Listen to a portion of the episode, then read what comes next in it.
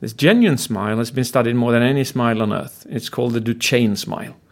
And the Duchenne smile has shown that people who have it, just imagine this people who are listening to this now, who have the Duchenne smile, they're more likely married, less likely divorced, they have a happier life, they live longer, healthier life, more friends, deeper friendships, and they get laid more often. That's, that's, the, that's the ultimate biohack. Hmm. Imagine you can bring all that into life.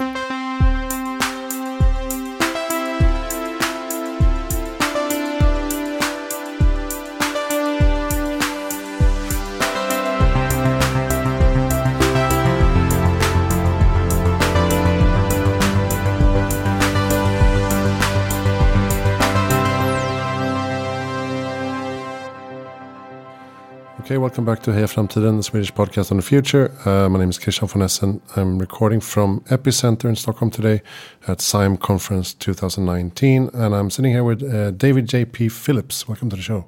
Hey, man. Thanks, Christian. Swedish citizen, but an international speaker. That's right. And can you elaborate a bit about, about what you're doing uh, when it comes to um, public speaking? Because you're doing public speaking on public speaking. That is absolutely true. It's just, I think it's is probably the most challenging thing you can speak about because you're constantly judged on how good you are at it. Oh, yeah. yeah. But the thing is, for me, uh, this has been my passion my entire life, and my passion has been in storytelling. It's been in PowerPoint. I studied 5,000 speakers for seven years to distill 110 common skills we use when we communicate. But still, it wasn't enough. There was something lacking. Even if you used every single possible body language and non-verbal communication on stage, even if you used stories, and even if you used awesome PowerPoints, something was missing. And what I realized was that there's something called external and internal communication. So external is learning all these skills. Internal is the stuff you tell yourself in your own head. And when I realized that and I started learning and teaching that, it changed everything because suddenly I could bring my clients to the level that I wanted them to because they were constantly saying bad things about themselves in their head. Like, oh, I wonder how this will go. Oh, I'll fail here. Oh, this PowerPoint wasn't good enough. And uh, why didn't they clap more? And so on and so forth. It makes you a miserable person and it makes you a bad presenter in the long run. When you own your own head and you own the skills. So it's a combination between personal development and public speaking. That's what I was going to say. It's, it's not just about public speaking, right? No, that's that's the magic, you know. So when you when you own your own brain, when you know how to inject these chemicals that I spoke about in the in the keynote, wow, changes life. Referring to those uh, chemicals, I mean, you you uh, take an interesting approach. I think it's a sort of a biohacking approach to um, the hormones and the signal substances that we already have in our body and how we can utilize them to get our message across. Yeah, right. And, uh, absolutely. Uh, tell a story. You talk about um, the Devil's Cocktail and what's the other one? The Angel's, Angel's Cocktail. cocktail. Mm -hmm. Right. Yeah. C can you can you walk us through what you mean by that? Yeah, sure. Uh, so there are metaphors for the kind of signaling substances and hormones you have in your body. So Devil's Cocktail is the most popular one today. Mm. So this is the one that most people consume, and it's I define it as 50% adrenaline and 50% cortisol. I.e., more or less, it's a it's a cocktail filled with stress and that is what people consume most days. They, uh, I know, they go into Facebook and they feel jealous of someone, and then they stress to work. They stress back to work, and they've got too much loans, too little money saved up, and, and life is very stressful. And they have this constant devil's cocktail in their blood. And that limits their critical thinking, it limits their um, creativity, limits their optimism, limits their performance. Which, so it's really just insane to consume that one. Mm. What you should be consuming is the Angel's cocktail. And the Angel's cocktail is what I mentioned in the talk was oxytocin, serotonin, endorphins, and dopamine, and even testosterone, estrogen, and progesterone. All these hormones, when they are in balance and when they're the good version of them, it makes you more creative. It makes you smile more. It makes you more optimistic. It makes it possible to really enjoy life, to love other people, to love yourself, to look forward to things, and to be motivated and engaged. You know, the, the variables are insane. And the insane thing about this is that people kind of consciously choose to drink the devil's cocktail. Hmm. That's batshit insane. So um, I suppose there are kind of easy tools for um, increasing the Angels cocktail. Yeah. How can we do it ourselves? Okay, so a quickie is uh, say endorphins. Endorphins is comes from the word indig- indigenous morphine. So it's it's related to morphine. It's a cousin to morphine, and it's beautiful. So we get it when we exercise, for instance, but we also get it when we smile and we laugh. So that means that you can consciously choose to do what? Smile more. Smile more often. Not only smile more often, but there is there is a particular smile which means that you contract orbicularis oculi and zygomatic major. When you contract these two muscles at the same time, the, the muscles around your eyes and the muscles around your uh, mouth, when you contract both of those simultaneously, it's called a genuine smile. Hmm. This genuine smile has been studied more than any smile on earth. It's called the Duchenne smile. And the Duchenne smile has shown that people who have it, just imagine this, people who are listening to this now, who have the Duchenne smile, they're more likely married, less likely divorced, they have a happier life, they live longer, healthier life, more friends, deeper friendships, and they get laid more often. That's, that's, the, that's the ultimate biohack. Imagine you can bring all that into life. And uh, so three years ago, I didn't have the Duchenne smile. So I learned how to launch the Duchenne smile. And since then, on my reviews, on my Instagram, on my LinkedIn, people write like, I love your smile. Thanks for your smile. La, la, la, la, la. Didn't have it before.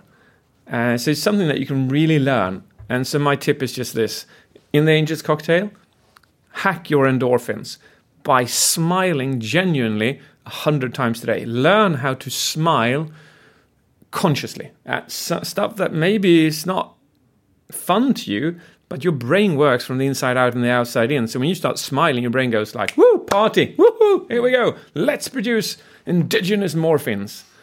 So that's endorphins. So that's one like simple biohack to induce your uh, Angel's cocktail. Hmm. And um, you know, there's a hack for every single signaling substance. Well, I don't know if we have time to cover that, but it's up to you. You Oh, but I suppose exercise and uh, physical intimacy and connection to others is Yeah. important. Absolutely those are important. Well, have a look at one of oxytocin. Then, absolute core is gratefulness. Mm-hmm. So gratefulness has been cl- clinically measured that it, it increases oxytocin levels. We live in a world today where we, we're not grateful for stuff. We're like, yeah, it's hot water in the tap. Yeah, toilet works. Yeah, got food on the table. We don't care. But if we stop and we're like, whoa, it's hot water in the tap. That's insane, man. Woo, thank you, plumber.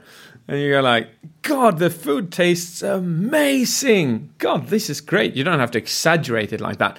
But God damn it, be conscious that you are spoiled to insane levels. Hmm. And every single time you stand in that situation, just be consciously grateful for the thing in front of you. And that will build oxytocin levels. It's like the Louis C.K. bit when people are complaining on airplanes all the time, and he's like, "You're on a fucking plane, man. You're flying. it's awesome." 10,000 meters in the air. Come on. be grateful. You grateful. complain about your leg space. Leg space is too tight. no, that's a good one. Okay, so these tricks can also be useful in, in uh, of course, uh, business environments and commercials. You showed the Volvo commercial with Zlatan, Yeah. which tapped into some of the uh, emotional triggers Yeah. for these substances, right? Are these also um, hacks for storytelling? Is that your your point? Yeah. Just create some emotional engagement in your in your talk. The more emotionally invested you make people, the more attracted they become and the less critical they are. And the whole thing with us is emotional investment. Imagine that you watch a movie and they're not creating laughter, they're not creating sadness, they're not creating love, they're not creating connection, uh, nor pride, nothing. You won't watch any of it. You'll turn it off consistently. But if you if you create a movie or if you create a life where you create this in other human beings, you'll become a movie to them. I'm I'm so nerdy. If I pick up my phone, I can I've even indexed my friends after these signaling substances. Really? So if I wake up in the morning, I go like, today, I uh, I'm low on endorphins. I pick my phone up and I call Marcus. because the first thing he does whenever. I call him is laugh. He laughs at everything, and it makes me so happy. And 20 minutes later, I'm smiling like never before. This is this is storytelling. This is life. And I, I guess the one thing I want to send with you, which is really important for the people listening, and that is that you have a stress reaction hormone which is called cortisol. And I said that's the devil's cocktail. Hmm. The problem with that one is that it reduces the effect of all the positive ones. Hmm. So look at it as it's it's beating the shit out of oxytocin. It's beating dopamine. It's beating in testosterone. It's beating serotonin. That's why after a while, people who've been stressed for a long time they can't have sex anymore because hmm. their apparatus doesn't work. They're not. They don't want to do it anymore, hmm. and that's after a while you become depressed because cortisol, kaboom, kaboom, hits it. So if it's one thing that you take with you from this pod, one single one, it's reduce the cortisol in your life. And I have an analogy for it, and it goes like this Imagine that your brain is a garden, and all the serotonin, oxytocin, dopamine, testosterone, estrogen, and so on and so forth are flowers. Beautiful, growing flowers. And then one day it starts raining. And as a gardener, you look out and you go like, "Yeah, I love rain," but it carries on raining for four months. Hmm. Your entire garden is rotten, and that is your brain. If you allow cortisol to reign in your brain, it'll reduce the effects of your positive hormones and it'll make you depressed, it'll make you anxious, it'll make you unmotivated, it'll kick out your sexual desires if you let it go on for too long. So, key thing from this pod let it stop raining in your brain. So you mean that we need it in small doses? Yes, absolutely. Okay. Bit of rain, a bit of sun. A bit of mm. rain, a bit of sun. Contrast is everything in life. T- To leave the Angels and Devils cocktail privately, and then you asked me on storytelling. And yeah, the beautiful thing with storytelling, imagine that you as a listener or you and I, we want somebody to become more generous to us. That happens, doesn't it? We want them to be more generous. Hmm. Yeah. Okay, so a clinical study from the US has shown that a story, three minutes long, could increase oxytocin levels so much that it increased generosity by 80%. That's a mind blowing number. Hmm. Mind blowing.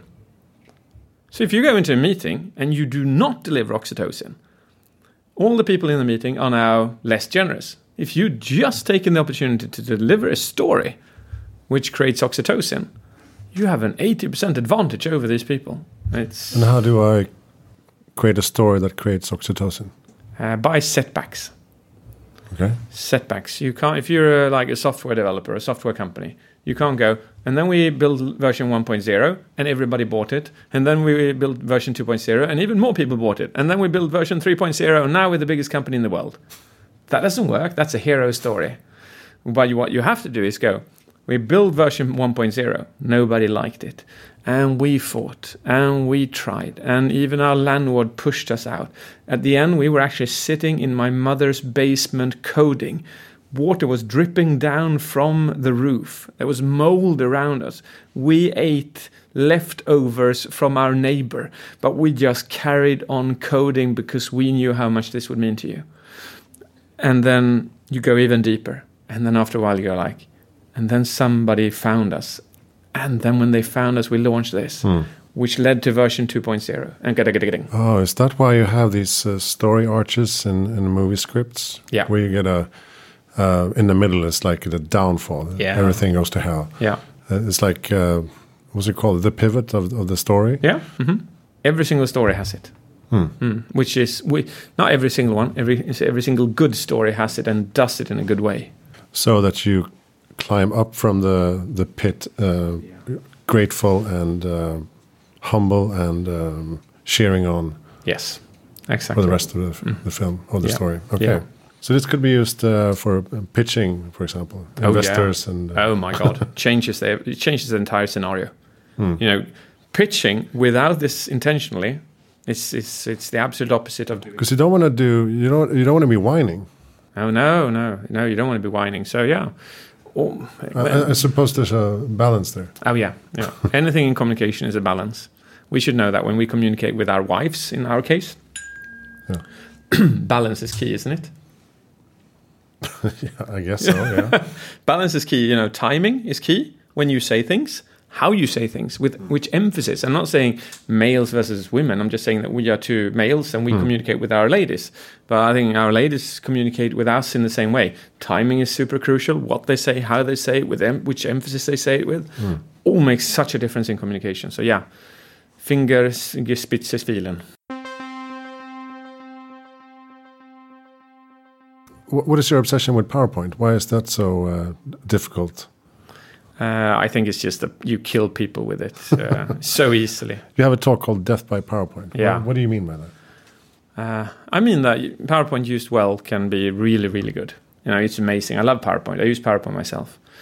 But people tend to go like, "Ooh, I've got a PowerPoint. Ah, then I don't have to. I don't have to present. I got my PowerPoint. That's my presentation. I can hide behind the screen." And they, the insane thing is that they put forty hours of work into their PowerPoint, and maybe one hour of preparation and delivery, while it should be easily 30 hours of preparation and delivery and 10 hours of content. So we just use it in the incorrect ways. It's, uh, you know what? I get physically sick when I see a white PowerPoint filled with sweat and black text. I just know it's going to be a waste of time for everyone watching it. Especially when the presenter is actually reading the text. Oh my God. Don't make me upset. I hate that. Cortisol. That is cortisol. Yeah, you hit my cortisol now. You gave me a devil's cocktail. Thank you. God damn it. So I, I suppose a lot of this uh, relates to, uh, as you said, stress, too high stress levels, and burnout eventually. So this is uh, not just a quick fix uh, biohack for you know public speaking. It's actually important for um, our society Yeah. and um, our economy Yeah, that is absolutely true. Definitely changes so much. because people know nothing about hormones. That's scary, isn't it? Yeah. We just act as life falls upon us. You know, it's like um, life just happens, and we uh, become a product of society. We become a product of our parents, of media, and you know, Facebook, Instagram, and Google. They all want us to become addicted to dopamine. And when you look at somebody who's addicted to dopamine, the dopamine is firing like this. It's just booming in their head. Okay, and then uh, they come up with the idea that they should clean the garage, and dopamine then goes in this speed. And your brain goes, I can't take this. I can't take this pace. This is just too slow. And so your motivation to clean the garage is zero. So a core thing that I, I, I train is to reduce your addictiveness to dopamine. Don't allow these quick hits. It takes about seven to ten days to reset your brain to normal dopamine levels. Do you know what happens then? After seven to ten days, when you've gone cold turkey, you go like, "Wonder what I used my phone for before," and you go down to that garage and you clean it because your brain has become adapted to a very very slow pace. But if you if it gets to choose between eating candy, which is, or celery, which is, or watching Netflix, which is, and cleaning the garage, which is very slow. And my recommendation there is to have a balance. And my ba- my personal balance is 85 15. Hmm. So 85% slow dopamine. So 85% of my wake time I spend inducing slow dopamine. I do real things. I play board games. I create things. I draw things. I spend time with people. 15% of the time, I watch Netflix or I watch YouTube or I go on Instagram. But what's scary is as soon as I expand those 15% to 25%, it takes over my entire life. Mm-hmm. And it doesn't want me to do anything but that. Whoever's listening, have a look at where do you get your quick dopamine from? And and find your balance. Is it 80-20? Is it 90-10? It's different for us all. But when you find that balance, my God, you become you become a different person. Balance is key. So some kind of a social media detox would be Exactly. preferable. Social And, media is I mean- one of these quick dopamines. And I think uh, viewing it as candy is pretty good. It's Yeah. a pretty good metaphor. It's like you don't want candy lying around the house because then you want to eat it all the time. Yeah, exactly. Yeah. So, and and but the thing is, if you stop eating candy for ten days, you have a particular mushroom or toxic in your uh, gut, which is called candida, and that dies after 10, 15 days, which means that you won't want to eat sugar anymore. Same thing here. It's not called candida, but what you do is you lower your resistance for dopamine. You have to put away your phone for seven to ten days, and you are now you are now back to a reset level of how your brain should work. Because if you don't do that, you are playing a very dangerous game. Hmm. Dopamine, I call that fabricated happiness. So imagine a, a scale from zero to 10, where you have a person on a three. Do they want more happiness in their life? Yeah. And so they go for dopamine. They eat a cinnamon bun and they go, woo, up to a seven or an eight. And they watch Netflix and go like, woo, seven or eight. And then they pick up their phone and check Instagram, woo, seven or eight. And then it crashes again. Hmm. Problem is that it crashes constantly. So we never, we're never happy in the long run. What these people should have done is reduce cortisol, the raining in the brain, remove fast dopamine, and that will allow your foundation happiness to level out at level six or seven. Our brains are made to be fundamentally happy. It's just that we keep on torturing our own brains in the society we live in. Yeah, and I I make a point of that as well in my in my Nice. talks that uh, if we consume news media for five hours a day, Yeah. I mean, of course, we're gonna internalize all the misery, and you you walk around thinking that the world is shit. Oh yeah. It's going to hell Oh yeah. because that's all you hear Yeah. for five hours Yeah. every day. And um, I think uh, a news media detox is equally important. Oh yeah. Yeah. We're looking at a total detox. You know, like just remove shit like that. Hmm. No Netflix, no sugar, no mobile phone, just boom, cold turkey. So what should we do? My answer is do what every single human being did before the 1970s. What did people do before 1970s? I don't know. Ride bicycles. Ride bicycles is one thing, but they did so, so, so, so much. You know what's scary when I pe- ask people today is, do you have a hobby? 90% they said, yeah, I used to. Hmm. Because hobbies is slow, dopamine. And if they can pick up their phone and watch Netflix instead of YouTube, which one does their brain pick? Hmm. Easily. The one that requires less energy. So um, this is super scary, and I, it's, I've seen this coming during the last 15 years. People are losing their hobbies and they're losing their interests, Yeah, that's true. and it's sad. It's it's true for the kids as well Oh yes, because they all they want to do is sit on the couch and play iPad. yeah, exactly. And what did you do when you were 10, 12? I played computer you did At 10 and 12. what computer did you have? Amiga. Amiga. Did that was that around? Okay, so that didn't come until I was 15. Okay. D but the thing with Amiga and uh, the NES 8 is No, but that I played lots of sports as well. Yeah. The thing with them is that they weren't built to be- become addictive. Our games today on computers are optimized for addiction. Absolutely optimized. YouTube, did you know that 75% of everything that people watch is AI driven? i.e., YouTube figures out what you are addicted to and it just brings more to you. Hmm. So how can you, you, you they trick you to addiction? It's freaking something that the government should it shouldn't be allowed. Really, you know, for kids under 18, anything that produces that amount of dopamine should not be allowed. It is worse than cigarettes in a way. You know, not in a health way, but it's always like the same addictiveness. Hmm. And it's terrible. And the NES 8, Nintendo 8 bits. Do you know what, what, what happened when you when you died? Had to restart. Or- Yeah. Yeah. Is that the way games work today? You can always watch a commercial and uh, skip a few. Exactly. You can watch a commercial and skip a couple of hmm. versions. Hmm. And you don't actually die today. You remain on the same level that you just previously were because they invented something called save. Hmm. So before, it was almost like Nintendo 8 bit, it, it trained us in life because we found a girlfriend and we had a beautiful time with this girlfriend and she ditched us and life restarted. But with the new games today, it's like found a girlfriend, ditched me, but I'm still on that level. I just need to find a new girlfriend, and we just carry on. I think you know the stuff we did on Amiga and 8-bit. It, it trained us to life. You know, the stuff today. This is that's not how life works. You can't save life. Restart stuff.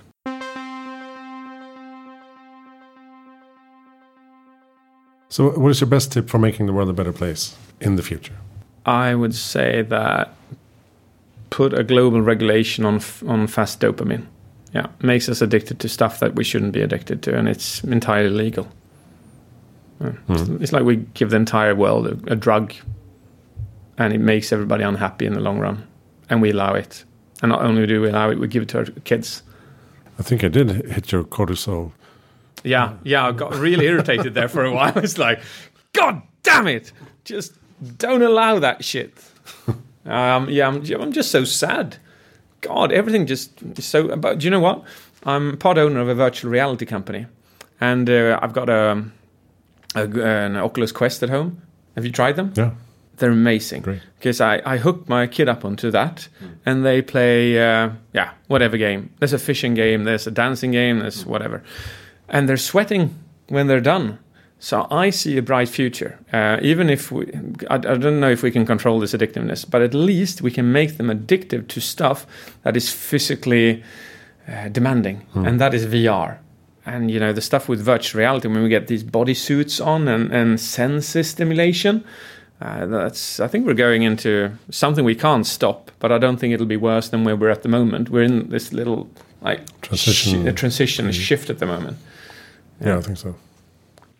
Um, do you have a good uh, reading tip or um, podcast tip? Well, Heja Framtiden is a good pod apparently. Yep. Good questions asked. Yep. I don't. Let's see. Give me a reading tip. Uh, the Happy Brain is a is a book I just read a couple of weeks ago. I like that one. The Happy Brain and the Buddha's Brain. I love those two. So those I just read them recently. The Happy Brain and the Buddha's Brain. I don't know the authors, but those titles will just find them on Kindle or wherever. And uh, a personal thing that I just want to throw in is that I have a I have a website called the jpuniversity.com and all that I've spoken about you can learn there. So you can go there and, and learn more. Yeah, and you also have workshops in storytelling and uh, public speaking, right? Yeah, yeah. DavidJPPhillips.com. You just go there and learn more. Uh, who do you think I should interview? Man, I would love to interview Hans Rosling, but that's not possible anymore. He was a hero. I really liked him. Yeah, It- I got his uh, daughter-in-law. Yeah. Oh, awesome. I think Ed Izzard. You know, if you get him, he's he's my he's my idol. He's the one that scored the best. When I did this study, studying five thousand speakers for seven years, I found 110 skills. He's the one that scored the biggest score. Okay. He uh, scored 104.5, and I've never seen a speaker score higher than that. So what is his uh, secret? Uh, he's dedicated his life to public speaking, and uh, what really brings up points is uh, role play. Role play allows you to change your voice so much, uh, it allows you to use body language so much that you apply so many of these 110 skills in one session. So role play is, uh, and people love role play. You know, I did some role play on the stage today, and you can see people light up like candles when you do it. Maybe we touched upon it in the beginning, but what kind of effects can it have to become better at public speaking on you on your personal life? Uh, well, I would say that mm, a lot of people they think public speaking is standing on a stage. My definition of public speaking is you speak in front of one person or two or three or four in the coffee room, at home with your kids, with you now, with my cameraman who's sitting here as- and, and filming as well. Every single interaction you have with another human being, the quality of that is controlled by your ability to communicate. And the better you become at controlling your communication, the better you can become at every single instance of interaction with another human being. And the beautiful thing with that is that as soon as a person like that walks up on stage, they knock it out of the park because they're good in real life. So, public speaking is about practicing public speaking in your everyday life. That'll make you awesome on stage and it'll make you a, a human being that people are attracted to. So a better partner and parent and co worker. Absolutely. Yeah, influences every single thing you do. or out of all the 110 steps, people sometimes ask me, you know, what's what's the most important one to get rid of? And the most important one is your filler sounds. Where you go, uh, Uh, uh, yeah. uh, because the interesting thing with them is that we use the highest concentration of filler sounds we usually use when we're nervous, we don't know what we're going to say, when we're lying, when we've lost the train of thought. Then we use them. And the problem with that is that even if you've prepared for weeks on your subject and you know it inside out, if you use filler sounds, it'll sound like you don't know what you're talking about. Hmm. And the opposite is true as well. You can ask me to present anything, and it'll seem like I know it so well because I have no filler sounds. So if you're listening, if you have a if you do have filler sounds, the the trick to get rid of them is that every single time they pop up, you do a, a quick breathe in instead. So you go, you don't go, you go just a small breathe in, and then you carry on. And if you consciously practice that for two or three weeks, you can get rid of 90% of your filler sounds. And I promise you, people will look at you differently. They'll behave differently in your company because you've just increased your credibility ethos because it sounds like you just know your shit. Sometimes I would like to send the uncut version of these uh, interviews Yeah. to the people that I interview All right. Yeah. because they only get to hear the the finished uh, Okay. edited version. Nice. Yeah. And some of them uh, they have so many filler sounds and so much weird breathing and uh, coughs and stuff. So uh, I spend a lot of time with the filler sounds. Yeah. Yeah. Well done there. Okay. So you know your stuff. Yeah. Yeah, I know I know I have them too. I, it's, it really annoys me. Yeah. Like, why do I have to uh, Mm-hmm. before each sentence? Become conscious, breathe in, and do it consciously for two or three weeks. That'll change change the pattern in your brain, and it'll make a, a difference for you as well. Yeah. Thank you so much, David, for joining here Framtiden. Check Thank out you, David JP, davidjpphillips.com uh, for more information and um, keep track of your um, dopamine levels and um oxytocin levels and uh, cortisol levels. Boom. yes, and smile more, people. Smile more. Yeah. that's good. Uh, hereframtiden.se, uh, you can find everything you need to know. Uh, we're recording from Epicenter in Stockholm at SIME 2019. Thank you for listening.